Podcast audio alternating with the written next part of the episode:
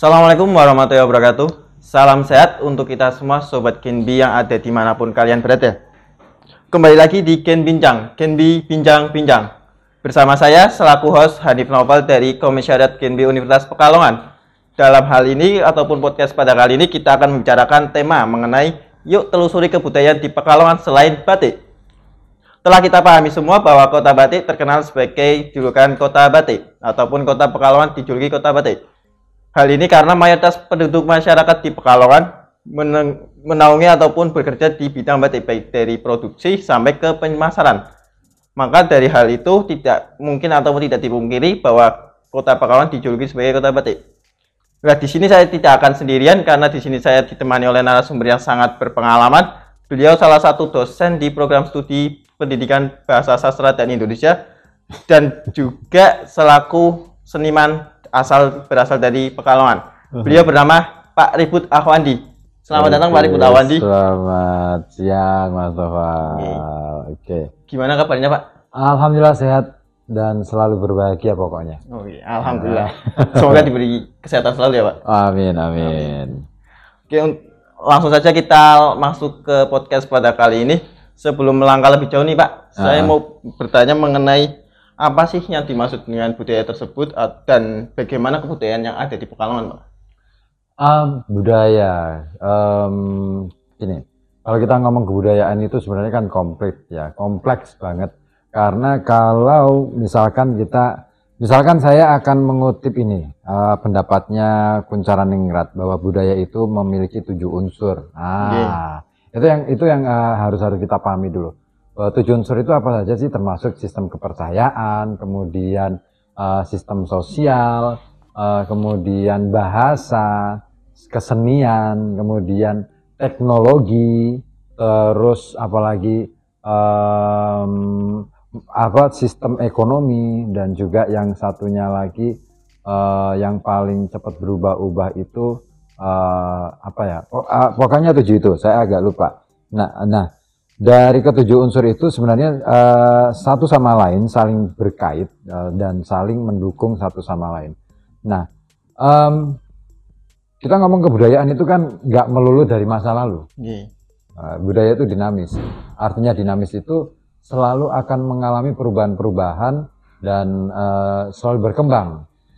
Dulu uh, kita uh, karena waktu itu sistem kepercayaan kita itu menganut sistem katakanlah di era Hindu Buddha, maka kemudian semua sistem yang ada dalam tata kelola masyarakat, baik itu sistem uh, politiknya, sistem sosialnya, bahkan sistem bahasanya, uh, kesenian dan lain-lain itu uh, selalu diwarnai dengan warna-warna Dari Hindu kehinduan gitu loh kehindu-hinduan ataupun kebuddha-buddhaan Oke. bahkan termasuk teknologinya kan gitu Iya. nah da- terus kemudian ber- uh, beralih ke masyarakat uh, Islam yang kemudian uh, nuansa Islam juga mewarnai uh, dalam khasanah kebudayaan Nus- Nusantara ini.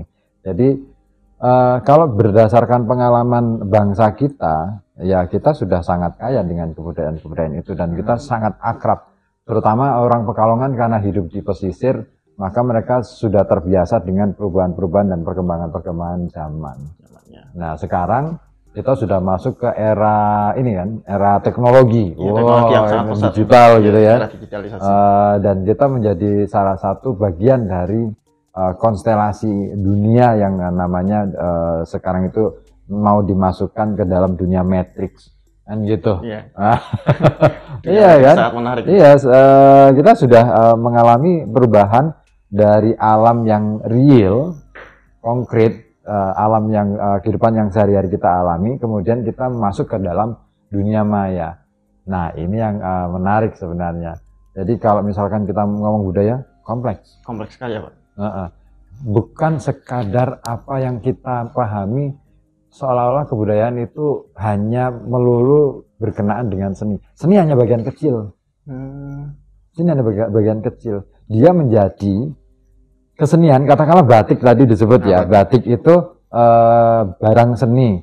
Nah, seni kalau in- di sini sebagai seni, eh, dia hanya menjadi semacam ruang untuk eh, atau media untuk eh, menyampaikan nilai-nilai kebudayaan di eranya. Nah, nah dulu ketika batik awal muncul, maka batik-batik motif-motif batik itu akan berkenaan dengan uh, nilai-nilai tinggi.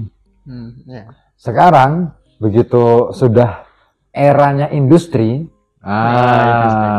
maka kemudian batik menjadi barang komoditas, Komoditas. menjadi industri. Hmm, Pesannya apa? Ya nggak ada pesan apa pun. Hmm. Yang penting bagaimana kemudian batik menjadi sebuah kemasan, uh, menjadi sebuah sesuatu yang bisa diperjualbelikan, diperdagangkan. Komoditas jadinya, Pak. Yes. Jadi em, apa ya? Eh, nggak bisa deh kita mengatakan bahwa eh, batik dulu dan sekarang itu harus dibandingkan. Nggak nggak nggak seperti itu. Tetapi kita yang hidup di zaman sekarang harus mencari nilai-nilai baru. Saya Hmm. pikir itu. Dengan motif yang baru, nilai yang baru. Yes. Jadi itu. heeh. Nah, kalau berbicara tentang ciri khas nih, Pak, kan kota Pekalongan ini terkenal sebagai kota batik. Mm-mm. Nah, menurut Bapak bagaimana sih batik yang ada di Pekalongan itu, Pak? Seperti apa, Pak? Berarti yang ada di Pekalongan. Iya. Eh, batik Pekalongan itu kan berkembang sejak eh, munculnya industrialisasi era kolonialisme Belanda. Itu itu yang harus kita pahami. Hmm. Eh, kalau batik klasik itu muncul pada era-era kerajaan dan memang budaya batik. Kita ngomong budaya ya. Kalau Iya. ngomong budaya batik itu berarti ekosistem batik itu ada. Hmm, ada Ah, ekosistemnya. Ada ekosistemnya.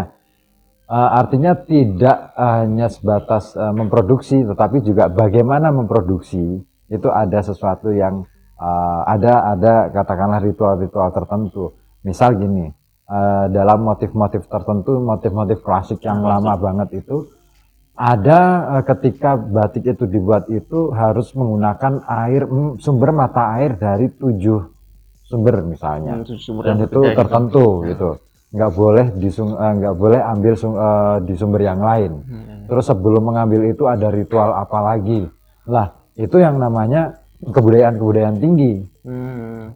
kenapa sih seperti itu dilakukan sebenarnya bukan soal membangun mitos mitos itu kesan yang kita tangkap tetapi eh, lewat mitos itu sebenarnya leluhur kita itu sedang ingin ngomong tentang penghargaan kita terhadap alam.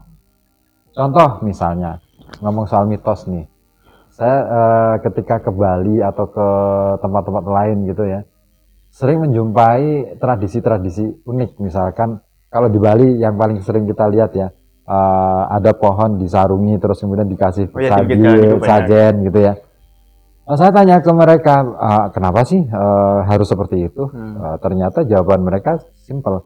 Ah, kami tidak menyembah eh, pohonnya, tetapi ini sebagai ungkapan terima kasih kami kepada pohon yang sudah menaungi kami dan dia lebih tua umurnya dari kami.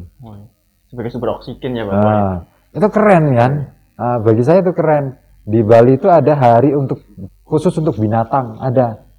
Itu diperingati tiap tanggal apa, Pak? Ah, setiap apa pokoknya ada itu hari khusus untuk binatang itu mereka akan memberikan makanan terenak pada binatang itu Semua sambil macam binatang di sana. Mm-mm, pokoknya bi- binatang peliharaan itu Oh, iya, iya. terus kemudian uh, sambil diucap uh, dia mere- mereka mengucapkan terima kasih pada binatang itu Hmm, buat karena kamulah ka- kami mendapatkan daging enak misalkan Iya. atau mendapatkan telur yang bagus Hmm, iya. sehingga kami bisa hidup sampai sekarang itu keren yang itu tidak kita punyai dalam tradisi, Tradisi kita kita ya, Pak. ya kan s- katakanlah misalkan kita dulu sebenarnya punya eh, ada mitos misalkan eh, jangan kencing sembarangan gitu ya Iya. misalkan di pohon atau apa besar itu. ah, terus diweten-weteni dan eh, i- itu sebenarnya penghargaan terhadap makhluk dan itu bagus Siapa tahu ada makhluk hidup yang hidup di sana gitu. Mm-mm. nah pohon juga makhluk hidup kan Iya. Mencemari lingkungan itu, Pak. Betul. Jadi itu itu itu eh, bagian dari cara-cara eh, leluhur kita untuk menghargai semua makhluk eh, ciptaan Tuhan. Dan itu yang sekarang mungkin kayaknya sudah mulai hilang. Hmm. Iya. Air aja kan sebenarnya kan makhluk hidup. Iya. Eh, Batu aja makhluk hidup. Tanah itu makhluk hidup. Kenapa saya katakan begitu? Tidak ada sesuatu yang akan tumbuh kalau dia tidak eh, berada di tempat yang hidup, Hmm. Gitu. Iya kan? Iya. kalau berbicara tentang kota batik kata Pekalongan kan terkenal tentang batik aja ya pak masih Mm-mm. dari orang umum masyarakat halayak umum itu hanya tahu tentang Pekalongan itu hanya batik nah sedangkan kalau di Pekalongan itu ada nggak sih pak kebudayaan ataupun budaya lain selain batik itu banyak sebenarnya kalau kita mau ke atas-atas ya Iya. Ah, di daerah Petung gitu pak daerah Petung, daerah pokoknya ngomong Pekalongan itu kan nggak sebatas di teritorial Kota Pekalongan atau Pekalongan, kabupaten ya. Kita ngomong kebudayaan itu harus melepas dari teri- eh, teritorial semacam itu. Itu teritorial administratif iya bahwa Pekalongan itu dibatasi oleh ABC, ABC, dan ya. sekian banyaknya eh, pembatasan-pembatasan itu. Tetapi ngomong kebudayaan itu eh, batasan semacam itu hampir bisa dikatakan tidak ada. tidak ada Nah, jadi antara Pekalongan atas, Pekalongan bawah itu punya eh, tradisi yang menarik. Nyadran misalnya. oh iya nyatran Ah, nyadran kalau di itu budaya agraris sebenarnya dari eh, dulu ya ah, ataupun juga budaya maritim. Nyadran itu ada dua jenis, ada nyadran laut, ada juga nyadran gunung misalnya. Di Silurah itu ada nyadran gunung. Terus ah, ada juga sedekah bumi. Iya, Nah, itu ah, dan itu keren. Saya pernah datang ke sebuah kawasan di daerah apa Belado sana di daerah Batang itu eh, mereka eh, setiap mau tanam masuk musim tanam ataupun musim panen selalu ada ritual untuk memasang eh, sesaji di pojok-pojok sawah. hmm. Hmm. Mungkin bagi orang yang sekarang itu akan menganggap wah ini sirik nih. Iya, iya. Oh, itu ya. Nah, tapi sebenarnya eh, itu kalau mau diilmiahkan ilmiah ada unsur ilmiahnya ya pak bisa diilmiahkan. Enggak il- sekarang gini, sejarah ilmu pengetahuan itu dari mana sih? dari alam No, eh, kita berangkatnya dari filsafat Yunani kan. filsafat Yunani Filsafat Yunani itu berangkatnya dari apa? Ternyata dari mitologi Oh, itu. kan tadi berbicara tentang kebudayaan itu kan berasal dari nenek moyang kita ya terdahulu pak mengenai Yes. adanya nilai-nilai Mm-mm. unsur-unsur kebudayaan ataupun dari alam nilai-nilai moral dan sebagainya nah kalau menurut bapak pekalongan pada umumnya dan pada khususnya itu masyarakat pekalongan apakah sudah melestarikan tentang kebudayaan itu pak baik dari unsur nilai-nilainya maupun dari unsur yang lain pak Hmm, oke. Eh, mungkin gini. Eh, saya akan be- berangkat dari tadi ya yang yang yang saya kemukakan bahwa dalam pengetahuan manusia itu eh, ada ada yang namanya mitologi kalau dalam bahasa barat sana dikatakan seperti itu. Nah, mitologi itulah yang kemudian melahirkan ilmu pengetahuan pada eh, di kemudian hari. Jadi science Oh, ini sudah ngomong science, ini sudah ngomong ilmu pengetahuan, sistem uh, pengetahuan, Uh, yaitu masuk dalam uh, kebudayaan juga. Science itu adalah salah satu perkembangan uh, pengetahuan manusia di era berikutnya, Uh, katakanlah era modern. Uh, sebenarnya dalam rangka untuk um, memberikan penjelasan dengan cara yang lain, dengan cara yang mungkin lebih dikatakan lebih bisa masuk akal menurut ukuran pemikiran barat karena harus dibatasi nih Eh, harus eh, menurut pemikiran barat tentang apa-apa yang eh, fenomena yang eh, atau gejala-gejala yang muncul di eh, sekitar eh, alam manusia. Nah, segala sesuatu akhirnya kan eh, berangkat dari pemikirannya René Descartes atau René Descartes itu dia eh, ada rasionalitas dan logika gitu kan. Nah, akhirnya berubahlah yang namanya pengetahuan manusia itu eh, apa ya didorong untuk masuk ke dalam sains. Sementara yang tidak rasional akan dianggap sebagai mitos. gitu seperti tadi yang mengenai sesajen itu betul. Hmm. Padahal kalau kita ngomong sesaji eh, dalam tradisi masyarakat kita itu logis, logis sangat logis. Karena dunia manusia itu diliputi oleh alam yang sebenarnya tidak pernah kita kenali. Hmm. Ya kan? iya iya Ada alam namanya kalau dalam bahasa Jawa itu ada bangsa halus. iya. Pak. Nah. Iya. bangsa lelembut, demit, lelembut, setan, jin, dan macam-macam. Orang Jawa akan mengatakan lelembut. Lelembut itu apa sih? Bakteri, virus itu lelembut. karena nggak kasat mata Iya. Iya. Nah, salah satu penangkal bakteri itu dengan cara meletakkan daging daging ya daging mentah itu di Iya. pojok-pojok itu sesaji dengan sesaji itu. Biar menyatu di pojok itu kok akhirnya eh, terpusatlah Terkumpul. ke situ. Hmm. akhirnya nggak mengganggu tanaman.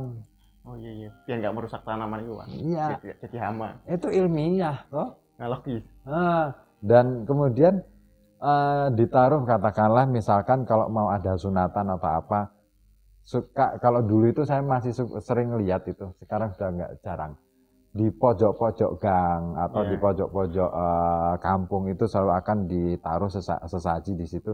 Ada beberapa makanan gitu kan Iya. entah itu kerupuk atau apa terus kemudian eh, intinya sih bukan di makanan itu tapi lebih ke bawang merah sama cabai. Oh, cabai yang tusuk. ah, itu itu ilmiah. Hmm. Eh, karena kandungan kandungan apa ya eh, kandungan kimianya di situ eh, itu itu eh, untuk menangkal eh, eh, apa ya ion-ion negatif gitu. Saya Hmm. sering loh memasang kayak gitu-gitu di rumah. Meskipun tidak ada acara eh, Atau karena eh, dalam rangka untuk itu. Hmm. misalkan uyah kerasa. Tahu kan? ah, uyah garam kerasa. kerasa. Eh, eh, uyah garam krosok itu itu bisa menetralisir ion negatif yang ada di dalam rumah. Hmm. jadi kita itu menangkap ion-ion itu pak? Betul. Jadi kita itu eh, saya saya nggak suka dengan ruang ber AC itu. Hmm. akhirnya tak taruh itu aja. Hmm, iya, terus saya bakar dupa. Ah, bahkan lupa. setiap hari. Sampai tetangga saya itu sempet loh. "Eh, Pak jenengan tuh kok hobi banget tuh pak eh, bakar dupa itu apa? Ada praktik eh, dukun apa gimana aku ngekek wae toh. Ah. tapi sebenarnya bagi saya itu uh, membantu saya terutama ketika saya mengerjakan uh, kebetulan saya masih ini menulis uh, sebuah novel. Jadi setiap kali melanjutkan tulisan itu saya akan membakar itu karena itu bisa membantu saya untuk berkonsentrasi. Hmm, menjernihkan pikiran gitu pak? Uh, uh, karena saya kebetulan hidup di lingkungan yang sangat padat dan rame banget. Hmm. nggak mungkin saya bisa bi- berkonsentrasi banyak Ah, gangguan dari kanan kiri iya ya? makanya dengan itu uh, saya akhirnya itu aromaterapi. Hmm, iya, iya. Dan itu bisa me- me- me- me- apa, meminimalisir aroma-aroma yang nggak sedap. Percaya nggak? Percaya deh. Meskipun baunya tidak sedap tapi bisa menetralisir. Eh, maksudnya aroma katakanlah aroma ada aroma sampah nih iya. Eh, dibakarin dupa atau menyan itu bisa mengikat eh, aroma-aroma itu. Hmm. Iya iya iya iya aku sudah beberapa kali melakukan percobaan itu dan terbukti eksperimen betul oh, iya.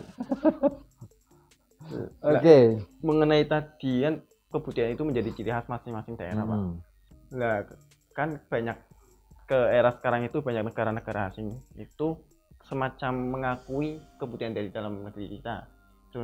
Jadi kebudayaan Indonesia diakui oleh kebudayaan orang lain bahwa itu kebudayaan dari negara mereka. Menurut Bapak itu gimana Pak menyikapi hal tersebut? Pak? Em, gini, eh, seperti yang saya katakan tadi ya bahwa bicara soal kebudayaan sebenarnya nggak ada teritorial, nggak ada urusannya dengan teritorial negara ataupun Mhm. apa pun itu, Eh, termasuk teritorial politik itu nggak ada. Yang paling jelas itu adalah pengaruh mempengaruhi. Pengaruh mempengaruhi. Ah.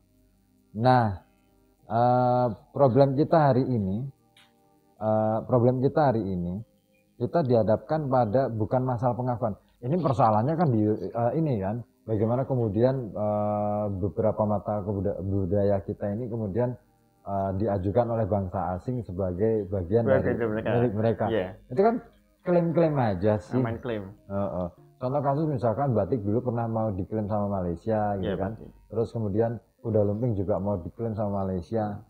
Dan faktanya memang di Malaysia juga tumbuh eh, batik itu ya it's fine.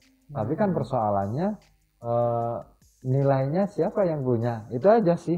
Oh iya, dari kehidupan masyarakatnya tercermin gitu ya. Tercermin enggak itu. Nah, problem yang kita hadapi sekarang, apakah eh, kebudayaan-kebudayaan semacam itu memang menja- sudah meresap ke dalam kehidupan sehari-hari? Batik misalkan, apakah sudah menjadi nilai filosofi batik itu apakah sudah menjadi bagian dari Jadi kehidupan sehari-hari? Atau jangan-jangan kita sedang melaksanakan industrialisasi yang terlalu menggebu sehingga lupa pada nilai-nilai itu. Yang penting industrinya itu ya, Pak. Ya itu karena cuannya itu. Cuan. ya, ya, ya, ya. Ada gitu. Berbicara tentang kebudayaan tadi, itu kan kebudayaan tidak dibatasi oleh teritorial ya, Pak. Mm-mm. Dan terus ada juga kebudayaan asing yang masuk ke Indonesia seperti dari kebudayaan yang dari Korea itu yang band grup band itu ya pak yang Mm-mm. dikenal dengan K-pop. Oke. Nah itu banyak juga masyarakat ataupun bahkan pemuda kita sebagai generasi penerusku menyukai K-pop sendiri pak. Nah, itu Heeh. sedangkan mereka semacam melupakan dengan budaya kita, lah itu menyikapi hal tersebut gimana pak? Melihat kondisi yang Eh, ada sekarang. kita kok sentimen banget sih sama K-pop. Aku sih gini, eh, sebenarnya percampuran budaya itu sudah terjadi sejak lama. Hmm, Em, gini deh, memang em, mitologi tentang Dewa Ganesha, terus kemudian eh, epos Mahabharata, Ramayana dan lain-lain itu itu datang dari mana coba? Hindu, Hindu Hindu. Itu itu ada percampuran dengan India apa enggak? Ada. Loh kenapa itu nggak dimasalahkan juga? Eh, kita ini, aduh, aku mau ngomong kasar tapi lucu gitu. Kasar yang lucu ini. Maksudnya kita ini terlalu ini ya, terlalu eh, terlalu gampang kaget ketika ada hal yang baru terus masuk, Masuk. terus kemudian diterima. Why gitu loh. Hmm. Buat saya sih itu bukan soal toh kenyataannya dalam kehidupan kita, sejarah kebudayaan kita itu selalu bersinggungan dengan bangsa-bangsa lain. Hmm. Eh, di era Hindu-Buddha, kebudayaan India, kebudayaan Cina masuk. Di era Islam, kebudayaan Timur Tengah masuk. Why? Kenapa begitu eh, K-pop masuk, kita rame me- menyikapi, Menyikapi itu, gitu loh. Nah, kan ini konyol namanya. Bagi saya ini konyol. Baru mempersalahkan sekarang.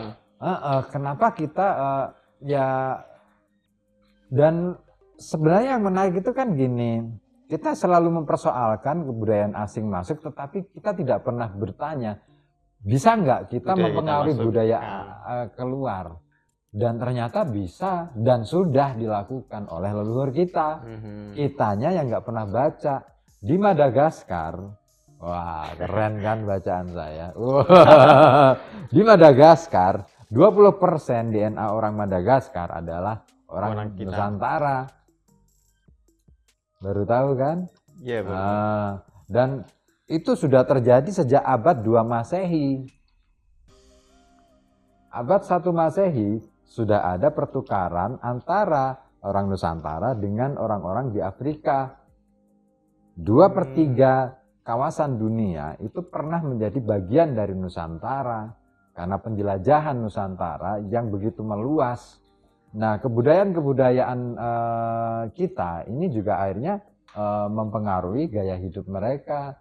Mhm. Nah, itu yang nggak pernah kita ungkap dulu.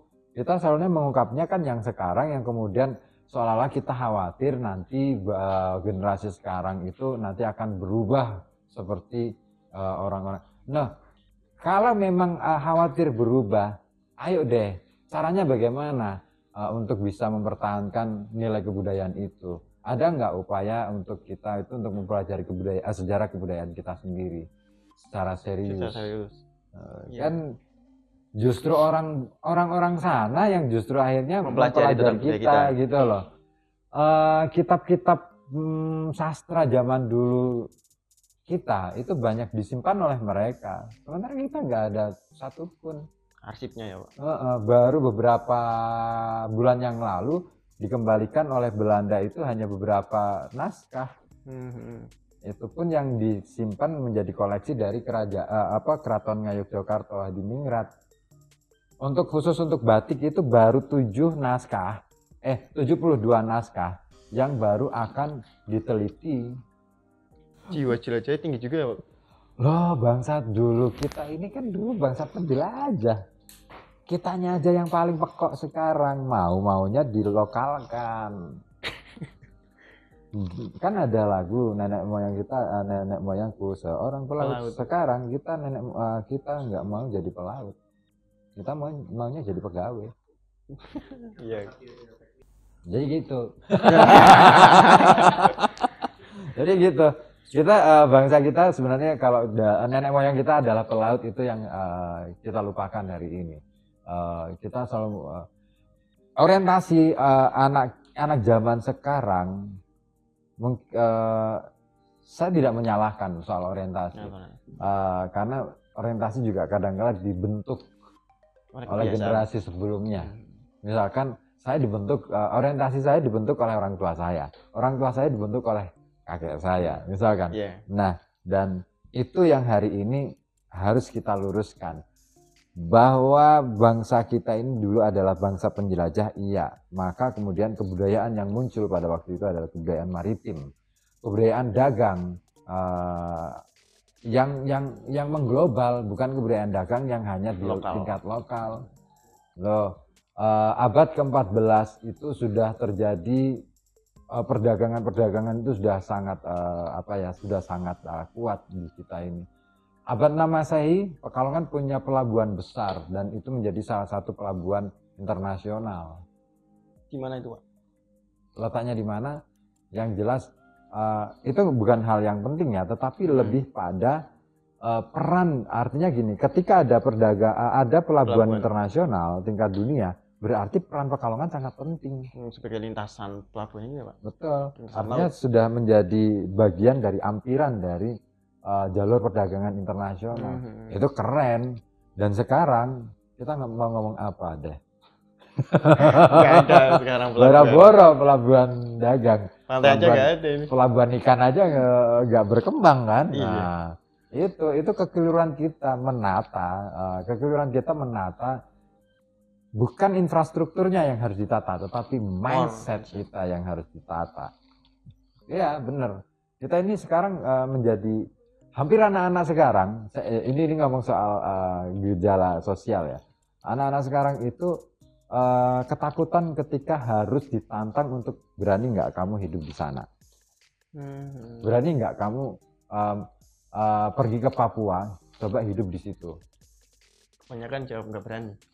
Bukannya nggak berani merasa bahwa kalau di sana nggak ada harapan padahal harapan itu baru ada kalau kamu berani melakukan apa kalau, kalau kamu berani menghadapi sebuah tantangan Harapan muncul ketika kita menghadapi tantangan. ya Oke.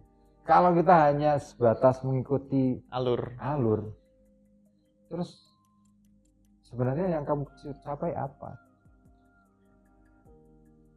Nggak ada. yang ada yang dicapai Nggak menciptakan harapan baru. Betul, makanya orang yang coba deh kita kembali ke sejarah ya. Eh, Kisah-kisah orang hebat, termasuk para nabi. Hmm. Mereka adalah orang yang menga- eh, berani mengambil risiko besar dalam hidupnya dan mereka akhirnya berhasil.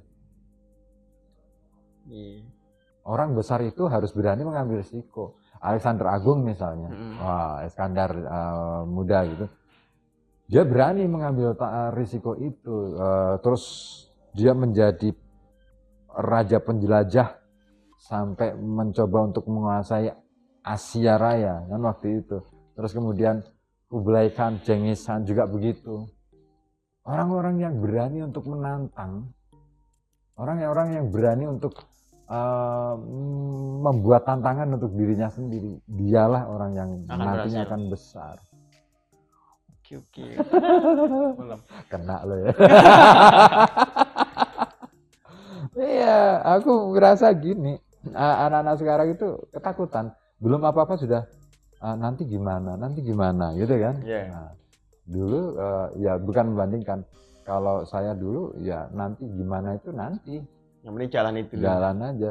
Saya orangnya nekatan gitu loh. Iya bener, saya orangnya nekatan dan nggak peduli dengan eh, risiko yang akan saya tanggung. Mhm. Mm-mm. Nah kalau melihat hal ini ya Pak dibandingkan dengan dulu kan banyak budaya-budaya kita yang banyak masyarakat umum seperti tidak mau meneruskan malam menerima dari budaya lain yang tadi tadi dikatakan Bapak Mm. melalui dari pemikiran yang dilokalkan bahkan pa- pada nenek moyang kita kan dulunya itu sebagai jiwa penjelajah nah mungkin dari Bapak bisa memberikan pesan-pesan biar generasi muda khususnya nih Pak biar bisa lebih mendobrakkan semangatnya lagi tidak Hmm. pantang menyerah dan tidak mudah untuk takut akan hal-hal baru gimana pak Ya di era sekarang ini kan eh, sudah muncul sebenarnya kan eh, sudah sudah mulai ada keterbukaan ya eh, dalam hal menjelajah hanya saja men- penjelajahan dunia maya gitu kan. benar, gimana? Eh, jangan hanya di situ deh, jangan hanya berhenti di situ. Harus berani untuk menjadi penjelajah bahkan eh, jika perlu jadilah raja di negeri asing gitu loh. ya di negeri orang itu. Eh, Iya, itu penting loh Eh, karena em, apa ya cerita-cerita semacam itu sering terjadi eh, kalau dalam sejarah kita. Makanya eh, hal yang harus eh, menjadi perhatian atau menjadi eh, apa ya eh, menjadi spirit untuk teman-teman adalah selalulah untuk gelisah. Itu penting, kegelisahan yang produktif ya. Ya, kita harus memproduksi kegelisahan dan kegelisahan itu yang akan eh, kita jawab gitu loh. Jangan terlalu nyaman deh. Jangan mencari kenyamanan. Berat yakin. Kalau kamu mencari kenyamanan, maka yang terjadi setelah nyaman, kamu mati. Iya, mati langka. Betul. Tapi kalau kamu mencari selalu menemukan kegelisahan-kegelisahan itu, kita akan selalu bertarung dengan hidup. Hidup itu untuk dikalahkan. Bukan kita eh, bukan kita mengalahkan orang lain, tapi meng- mengalahkan diri sendiri diri sendiri, mengalahkan hidup kita sendiri. malah mengalahkan ketakutan terutama ya. Betul. Jadi gitu, eh, yang namanya hidup itu bukan untuk eh, saling mengalahkan ya, tapi lebih ke bagaimana ki- ki- kita mau eh, mengalahkan diri kita sendiri, kita mau mengalahkan hidup kita sendiri, mengalahkan ego kita sendiri. Eh, karena begini, kita bukan bertarung untuk menjadi pemenang, tetapi sebenarnya pertarungan itu, ah ini ini penting ini. Pertarungan yang kita lakukan dengan orang lain itu hanya sebatas untuk mengerti sampai pada pada batas mana kemampuan kita, kita punya kemampuan Hmm. dan sampai batas mana kita menjunjung tinggi harkat martabat lawan kita sebagai manusia. Hmm. Itu penting. orang lain itu pak Iya, jadi kalau dalam cerita wayang yang namanya perang itu bukan untuk mengalahkan lawan, tetapi tetapi untuk menjunjung tinggi harkat martabat manusia. manusia menarik Iya. Coba deh kita pelajari Ramayana. Wah. Rahwana terus kemudian eh, mencuri Sinta, mencuri cintanya ya kan? Mencuri Sinta dari Rama. Terus kemudian eh, tapi apa yang dilakukan oleh Rahwana terhadap Sinta? Dia menjaga kesucian dari cinta Sinta. Satu pun bagian tubuh Sinta tidak ada yang dia sentuh. Hmm. sangat menghargai ya pak Heeh. Jadi bukan urusan nafsu seperti yang kita bayangkan. Hmm. Enggak. Rawana merebut Sinta itu karena dia em, jadi ya dia dia dia mencintai Sinta, tapi bukan Sinta secara fisiknya. terus kita sifatnya Apa- Bukan juga, tetapi ada bagian ada di dalam ruang yang tidak kasat mata dalam eh, dalam diri Sinta Sinta. itu yang dia pandang eh, sebagai perihal yang sangat dia junjung tinggi, sangat Hmm. dia hormati. keren keren Ah, dan ketika dan yang menarik itu kan ketika Rama itu eh apa eh, Rahwana mau maju perang itu kan Sinta kemudian bicara pada Rahwana eh, sudahlah kau nyerah saja karena kau tidak akan menang dalam peperangan ini. Rahwana bilang apa? Kalau aku nyerah kalau aku nyer- menyerah ah, hanya menyerah. Lantas bagaimana rakyatku akan memandang aku. Aku ini raja, aku ini seorang laki-laki yang harus berperang. Dan perang ini bukan untuk membuktikan siapa yang menang, tetapi untuk menga- untuk bisa membuktikan bahwa inilah pengorbanan. Itu loh. Jangan tanggung tanggung kalau berkorban. Apalagi demi cinta. Wah. Demi cinta ku rela. oh itu asik bro cerita Ramayana itu aku seneng banget apalagi ketika Mas Tejo ya Mas Jo Tejo itu eh, sempat ngobrol soal itu. Dia menggunakan terminologi ataupun cara pandang yang berbeda dengan Rahwana tanpa eh, itu itu eh, Rahwaya eh, Rahwanayana eh, Rahwayana. Nah itu itu dia eh, mencoba menyingkap bahwa tidak selamanya yang ada di dalam diri Rahwana itu buruk dan tidak selamanya yang ada di dalam diri Rama itu baik. Baik. Dalam diri manusia selalu ada muncul uh, uh, gelap terang dalam diri manusia secara bersama-sama. Jadi orang dalam kehidupannya sehari-hari dia itu tidak bisa selalu menunjukkan bahwa dia adalah Orang, orang, baik. baik. Ada kalanya dia menjadi buruk. Enggak cu enggak cuman itu. Di dalam kita melakukan kebaikan pun bisa jadi di balik itu ada keburukan yang jauh lebih mengerikan. Keburukannya tersembunyi berarti. Iya, katakanlah gini, kamu bangga setelah kamu menolong orang, Hmm. itu kejahatan. Karena Karena kamu dengan seperti itu menganggap bahwa orang lain itu lemah oh iya iya iya. dan artinya kamu sudah meremehkan orang itu. Padahal hak da- hak dia sama dengan dirimu. Hmm, Dan juga dia itu udah sombong ya Pak tadi. Iya Nah, Saya sudah menolong dia. Oh, oh, oh, ngeri toh? Ngeri ngeri. ngeri. Eh, kejahatan yang paling jahat adalah ketika itu dilakukan secara tidak sadar. Mungkin efeknya bukan untuk diri di orang lain, tapi efeknya untuk dirimu. Hmm, Itu kejahatan yang paling jahat. kejahatan yang paling jahat ketika kejahatan dilakukan tidak sadar. Mm-mm. Kayak sama dengan bunuh diri, toh. Tapi dia sadar Pak. Kalau itu sadar, kalau yang nggak sadar itu kan dengan kata lain eh, dia secara tidak sadar juga membunuh diri. Oh iya iya. iya. Ngeri. Oke, oke. Oh. Oke, itu. Baik, terima kasih untuk Pak Ribut atas sharing-sharing ilmunya di podcast kali ini dengan Gen Bincang, Gen Bincang-Bincang. Untuk oke selanjutnya izinkan saya untuk menyampaikan kesimpulan pada podcast kali ini. Jadi di kota Pekalongan ataupun Pekalongan sendiri itu tidak hanya terdapat kebudayaan tentang batik, melainkan hanya eh, melainkan terdapat banyak sekali budaya-budaya lain yang perlu kita angkat dan kita lestarikan. Dan kita sebagai generasi muda memiliki kewajiban yang sangat patut untuk kita laksanakan yaitu melestarikan budaya tersebut agar tidak tergerus zaman dan juga tidak diakui oleh orang lain ataupun bangsa lain. Mungkin seperti itu mengenai kesimpulan pada kali ini. Dan saya ucapkan terima kasih untuk Pak Ribut karena sudah Oke. menyempatkan waktunya datang ke podcast kita. Sama-sama. Dan saya ucapkan terima kasih juga ke teman-teman yang sudah menyaksikan podcast kali ini dari awal sampai akhir. Saya ucapkan terima kasih dan saya ucapkan mohon maaf apabila saya ada tutur kata maupun perilaku yang salah. Wa Wassalamualaikum warahmatullahi wabarakatuh. Waalaikumsalam warahmatullahi wabarakatuh.